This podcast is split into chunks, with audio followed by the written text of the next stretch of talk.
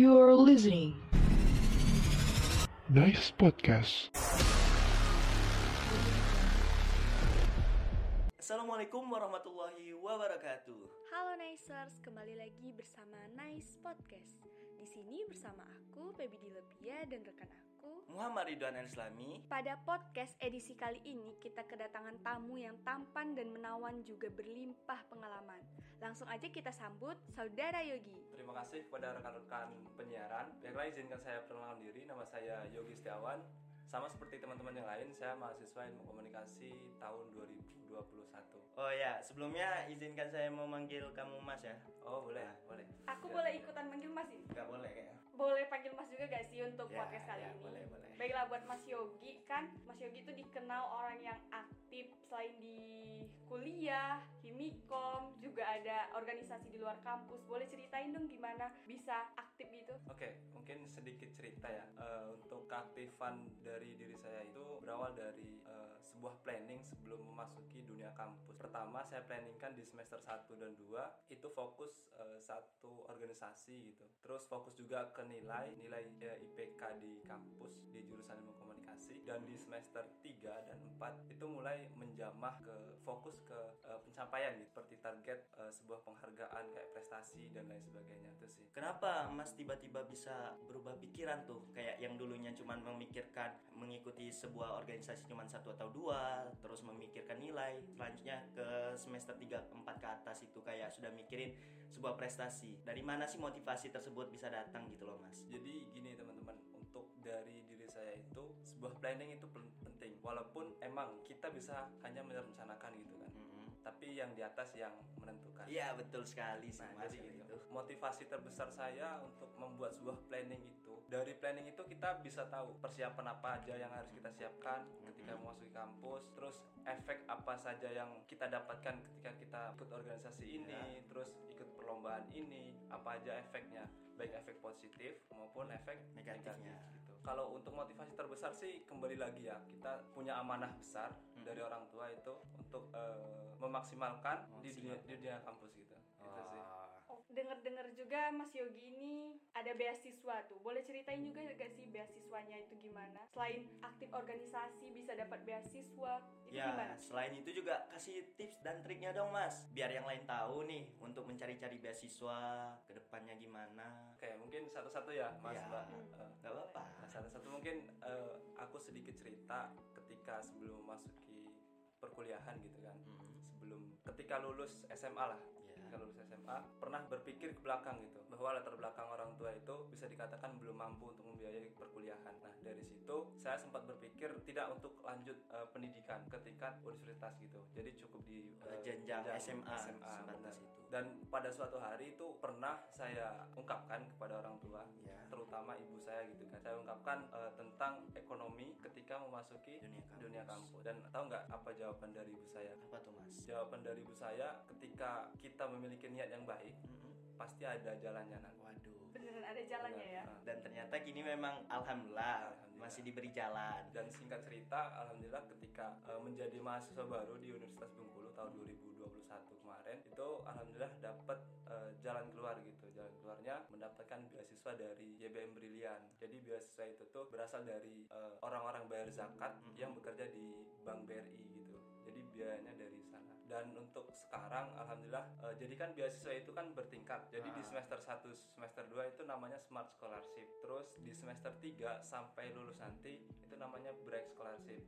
Dan alhamdulillah itu juga alhamdulillah saya dapatkan gitu. Jadi nanti beasiswanya sampai eh, semester 8. Oh, jadi ini beasiswanya semacam ibaratnya ada tingkatan kelasnya. Ah iya. Jadi betul. misalnya kalau di semester 1 atau semester berapa tadi Mas dapatnya? yang break tadi. Ya, yang awal. Nah, yang, awal sekali. tadi semester 1 Mas. semester 1. Sa- Nah, sama semester 2. semester 1 dengan 2 berarti itu tuh kalau misalnya mas nggak lanjut atau gimana sih ada semacam ujian kah untuk lanjutnya ke jenjang selanjutnya beasiswa tersebut Oke, dari beasiswa ini sebenarnya ada sih kegiatan kayak pelatihan gitu kan. ya Kayak mentoring di ketika kita menjadi awardee dari beasiswa ini kita harus ikut pelatihan dan mentoring itu dan dimaksimalkan. Dan dari situ kemarin ketika eh, di jenjang smart scholarship ketika ingin memasuki jenjang break scholarship itu ada juga tesnya mas. Ada juga tesnya. Ada juga apa hasil dari mentoring waktu smart smart scholarship itu juga dites kak masuk break scholarship. Karena itu berjenjang gitu. Oh, berarti memang harus mengikuti dari semester awal ya? Nah iya mas. Berarti yang kayak kami ini semester 4 bakalan nggak bisa ikut tuh mas? Bisa sebenarnya mas. Cuman eh, kemarin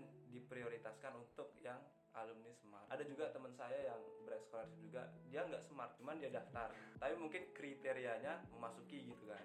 Jadi masuk juga. Parah sih kamu mas. Masa bilang teman kamu nggak smart? Bukan gitu mas. Jadi ada teman yang bukan alumni smart iya. Pak Selama ngikutin beasiswa ini kan banyak kegiatan atau apa gitu. Pernah ngerasa kesulitan nggak menjalani? oke ini mungkin kembali lagi ke manajemen waktu ya. Ya di mana kita punya tuntutan untuk kuliah. Kuliah. Punya tuntutan eh, mengikuti kegiatan dari beasiswa. Betul. Terus tuntutan dari organisasi gitu kan. Kalau itu mungkin bisa jadi kendala semua orang ya karena kan kita cuman punya satu tubuh gitu kan nggak bisa dibagi-bagi Iya. gitu kan. Jadi eh, tergantung prioritas sih prioritas kalau dari saya. Kalau prinsip saya gini ketika eh, misal nih pertama ada tugas kuliah nih Mm. tugas kuliah yang sudah deadline nah itu tumburan sama kegiatan organisasi Iya. nah itu kalau saya mementingkan tugas kuliah ya harus dong mas karena tujuan kita berkuliah untuk kuliah dong. Masa organisasi terlebih dahulu? Nggak mungkin. Ya gitu sih mas. Terus kalau masalah yang balik lagi ke organisasi, itu Mas Yogi kan jadi ketua umum Ya, IMC. nih. Itu gimana sih nggak kenapa bisa ngambil jabatan itu di kesibukan yang lumayan padat? gimana ceritanya nih mas? Kok bisa tiba-tiba jadi ketua IMC apakah memang dari awal sudah bergabung IMC masuk kuliah langsung jelek masuk IMC atau gimana gitu? Atau tiba-tiba jabatan tuh datang tiba-tiba kan. Tolong jelasin dong mas Oh, iya. ceritanya. Mungkin sedikit cerita lagi ya. Ah. eh, memasuki organisasi UKM IMC gitu kan. Eh, organisasi UKM IMC ini adalah organisasi yang satu-satunya aku ikutin waktu maba. Tuh jadi mahasiswa baru. Nah ketika itu ketika jadi mahasiswa baru itu kemarin mungkin dari kakak-kakak eh, di UKM IMC itu saya gitu kan. Saya dijadikan sekretaris. Hmm, sekretaris berarti dari UKM. awal itu sudah diamanahkan ya mas? Nah, ya, nah dari situ mungkin ini kayak nggak eh, apa ormawa yang lain gitu kan kayak eh, voting atau pemilihan gitu kan. Nah kalau di IMC ini sifatnya musyawarah mas, di musyawarah dari alumni, dari bisa dikatakan murabi ustadz-ustadz gitu kan. Jadi dari sanalah eh, penentuan ketua umum KM IMC gitu. ya Jadi nggak ada pencalonan, nggak ada pemilih gitu. Jadi pure eh, dari eh, murabi atau alumni alumni. Ini aku dengar-dengar nih mas ya Katanya calon-calon ketum dulu itu rata-rata dari Ilkom semua mas Itu memang betul atau cuman sekedar sekedar omongan aja mas Oh iya mas, Eh, jadi kemarin tuh sempet eh, cukup seru juga ya karena Ya. kemarin tuh kan eh, teman-teman saya tuh kan dari kaum semua yang Ya. bisa dikatakan paling aktif di antara yang aktif gitu Ah. kan di KBNC. Ya betul Nah itu kemarin sebenarnya bisa jadi efek juga sih dari eh, pandemi covid kemarin karena kan kita masih apa Ah, terkena gitu kan dari Ya. pandemi kemarin. Jadi cuman beberapa aja yang bisa dikatakan aktif di kegiatan UKMIMC pada tahun 2021. Nah dari situ berdampaklah eh, beberapa calon Mhm. yang dicalonkan dari alumni gitu kan. Jadi semuanya itu dari Ilkom. Waduh berarti memang benar Jadi mau selanjutnya apa lagi nih Pep? Hmm, terus Mas Yogi kan udah aktif di organisasi IMC. Ikut Himikom ini kan agak akhir kan? Itu ditarik. Itu gimana ceritanya Mas Oke Yogi? mungkin sedikit cerita lagi ya cerita terus. Banyak boleh. Iya nggak apa-apa mas. Kita habiskan ya waktu-waktu nih mas. Oke mungkin cerita ya. Masuk ke organisasi jurusan atau Hima ya. Ya HIMA Himpunan Mahasiswa Ilmu Komunikasi. Itu sebenarnya saya eh, masuk di akhir-akhir kemurusan tahun 2022 karena dulu di awal oprek eh, Himikom tahun 2022 itu memang dari saya sendiri belum ada niat untuk bergabung gitu. Kan Oh belum ada niat Belum tertarik gitu lah ya Iya. mas. Jadi pengen lebih fokus satu dulu gitu. Terus eh, laun ketika hampir di akhir kepengurusan tahun 2022 itu sempat dengar juga ya dari pengurus gitu kan. Hmm. ada yang mengundurkan diri Ya. dari salah satu bidang di Himikom gitu Ya kan. betul. Nah dari situlah ada nih eh, kepala bidangnya itu menghubungi saya gitu eh, menggantikan menggantikan teman yang mengundurkan diri dari bidang tersebut gitu. Nah dari situlah aku bergabung di himpunan mahasiswa ilmu komunikasi dalam artian bergabung di pengurusan Ya. bukan eh, mahasiswa ilmu komunikasi Ya gitu kan. kalau mahasiswa ilmu komunikasi tentunya sudah termasuk bagian dari Nah, Hima betul semuanya gitu kan Ya tapi Maksudnya- dia semuanya pengurus gitu Ah, kan mas betul. jadi dari situlah eh, menjadi pengurus kenapa memutuskan gabung? Kan kemarin tuh lagi aktif-aktifnya di EMC, Mas. Nah, jadi gini, eh, sebenarnya kalau dari diri saya sendiri itu tertarik ke bidang keilmuan gitu ya. Bisa dikatakan kemarin juga eh, menjadi staf magang di UKM keilmuan di Fakultas Ilmu Sosial dan Ilmu Politik. Nah, dari situlah eh, berpikiran ada peluang gabung di bidang keilmuan dan penelaran gitu kan. Jadi Oh, itu boleh sebut nih. boleh. Forse. Oh ya. Ya, betul. Nah, Oh. Nah dari situ eh, dari Himikom ada juga nih kan bidang khusus keilmuan. Jadi ada tawaran gitu kan. Jadi ya kenapa ditolak gitu? Mm-mm, betul. Jadi gitu. Jadi kemarin tuh berfokus ke ini sih, lebih ke eh, tertarik aja di bidang keilmuan. Oh, kalau yang ngerekrut penyiaran nggak mau nih, Mas? Bukan gitu. Aduh, kemarin juga di awal maba itu tertarik juga di bidang penyiaran. penyiaran gitu kan. Cuman kemarin karena berprinsip pengen punya satu aja dulu, jadi nggak jadi daftar penyiaran. Ngapa nggak pengen dua, Mas? Karena Nggak jadi Islam dibolehkan nggak eh, untuk memiliki dua, Mas. Cukup satu mas. Ini lainnya. Enggak, enggak. Ba- Balik lagi ke topik. Oke, kita lanjut ya Mas Yogi. Kan waktu kuliah ini Mas Yogi benar-benar aktif di kuliah, di organisasi, juga beasiswa. Ini nih ada faktor dari SMA dulu aktif organisasi juga atau gimana Mas Yogi? Oke, mungkin sedikit cerita ya. Aktif di organisasi ini sebenarnya eh, satu hal yang udah ada dari dulu, dari waktu SD, SMP, SMA. Jadi mungkin dari SD itu sering nih dijadikan dari teman-teman disuruh jadi ketua kelas dan sebagainya gitu kan. Terus waktu waktu SMP diamanahkan juga di ketua OSIS dan juga di SMA diamanahkan ketua OSIS juga gitu kan. Waduh. Emang jadi udah ada Berarti jiwa pemimpinnya iya, ya. dari dulu sudah mengikuti organisasi, Iya. bukan baru-baru terjun.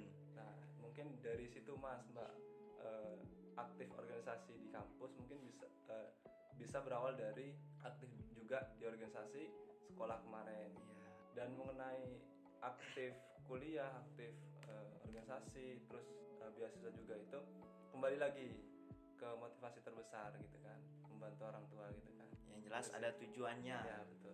Juga kemarin denger-dengar Mas Yogi ini baru pulang nggak sih? Iya, dari Thailand ya.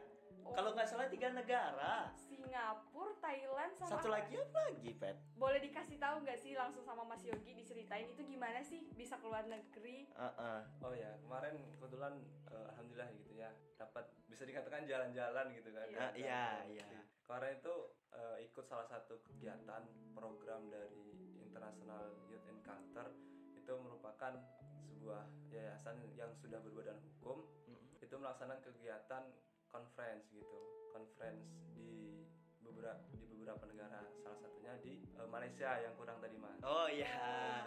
Jadi eh, Singapura, Malaysia sama Thailand. Aku daftar itu kemarin secara online. Jadi itu nggak diadakan di kampus, nggak diadakan di fakultas dan Iya. nggak diadakan di Unip gitu. Itu daftarnya itu kemarin di sosial media di Instagram, di Instagramnya eh, program yang mau dilaksanakan dari yayasan tersebut. Nah dari situlah saya daftar gitu kan, daftar mulai dari persyaratan, terus seleksi dan lain sebagainya, dan pada akhirnya eh, lulus di pembiayaan tengah harga gitu, Oh, setengah harga. setengah biaya. Gitu. Berarti bukan fully funded ya, Mas? Bukan, kalau untuk fully fund- fully funded kemarin Funded itu- ya. Salah, salah ngomong sih. Fully funded kemarin itu ada temen itu empat orang kalau selainnya itu Oh, kalau boleh tahu nih, Mas. Mas bayar berapa sih untuk setengah biaya gitu nah? Kemarin itu sekitar 6 juta lebih mas. Waduh. Lumayan ya. Lumayan itu Nah. 6 juta lebih apalagi kita dalam semester ini ada mau perjalanan Banyak. studi media lagi. Nah itu kemarin sebenarnya nggak semuanya dari dana pribadi mas yang 6 juta itu kemarin juga eh, ada juga bantuan dari universitas, Oh alah. ada juga eh, biaya dari fakultas dari pemerintah juga ada. Ya. Jadi eh, bisalah membantu gitu kan. Yang berarti ini juga disupport sama kampus ya, Mas? Betul. Jadi kemarin ya syukur-syukurlah tidak terlalu memberatkan untuk biayanya untuk berangkat gitu kan. Dapat pengalaman juga ya keluar negeri ke tiga negara lagi. Iya, ke negara Upin Ipin. Ketemu Upin Ipin gak mas? Kemarin Upin Ipinnya kayaknya udah besar kayaknya. Jadi nggak ketemu lagi. Udah tumbuh rambut nggak, Mas? Kayaknya udah mas. Oh, gondrong, sudah. Udah gondrong. Oh, boleh, gondrong. Oke, karena waktunya terbatas, kita ngobrol sama Mas Yoginya. Batas ini aja. Dengerin cerita-cerita Mas Yogi, keren parah gak sih? Iya sih, sebenarnya masih banyak banget sih cerita dari Mas Yogi ini. Cuman karena terkendala waktu, nggak bisa lama-lama nih teman-teman. Jadi untuk sebatas ini dulu. Jadi kalau mau mau nanya secara langsung untuk perihal organisasi lah pribadi Mau mungkin minta trik dan saran Ah, boleh langsung hubungi Mas boleh Yogi. langsung hubungi Mas Yogi. Tapi lalui dulu saya ya. Boleh. Oke untuk Mas Yogi terakhir nih untuk pesan-pesannya buat anak muda zaman sekarang. Ya, mungkin eh, pesan sedikit dari saya untuk teman-teman pemuda gitu ya. Eh, maksimalkanlah apa yang sudah ditentukan. Maksimalkanlah ketika kita mengikuti organisasi maka menjadi pribadi yang paling baik di organisasi itu. Mungkin selanjutnya ya untuk pesan para pemuda ya tetap semangat ya, tetap semangat dalam artian eh, kita punya tugas utama gitu kan dalam dunia kampus. Kita punya tugas utama yaitu kuliah dengan benar. Karena kita ikut organisasi itu karena kita memasuki kuliah. Jadi jangan jadikan organisasi atau kegiatan lain itu mengganggu kuliah teman-teman gitu. Itu sih kalau pesan dari saya tetap semangat dan jangan mudah untuk menyerah sebelum mencoba. Oke, terima kasih buat Mas Yogi. Bisa banget nih buat jadi panutan anak muda ya. Jadi pesannya ini cuma untuk anak pemuda, nggak boleh orang tua apa mas? Ada orang tua ini lebih berpengalaman mas. Boleh untuk semua pendengar Nicers ya. Terima kasih buat para Nicers yang udah dengerin sampai habis. Sampai ketemu di Nice Podcast selanjutnya. Aku Baby Dilepia dan rekan aku Muhammad Ridwan Islami. Kami pamit undur diri. Wassalamualaikum warahmatullahi wabarakatuh.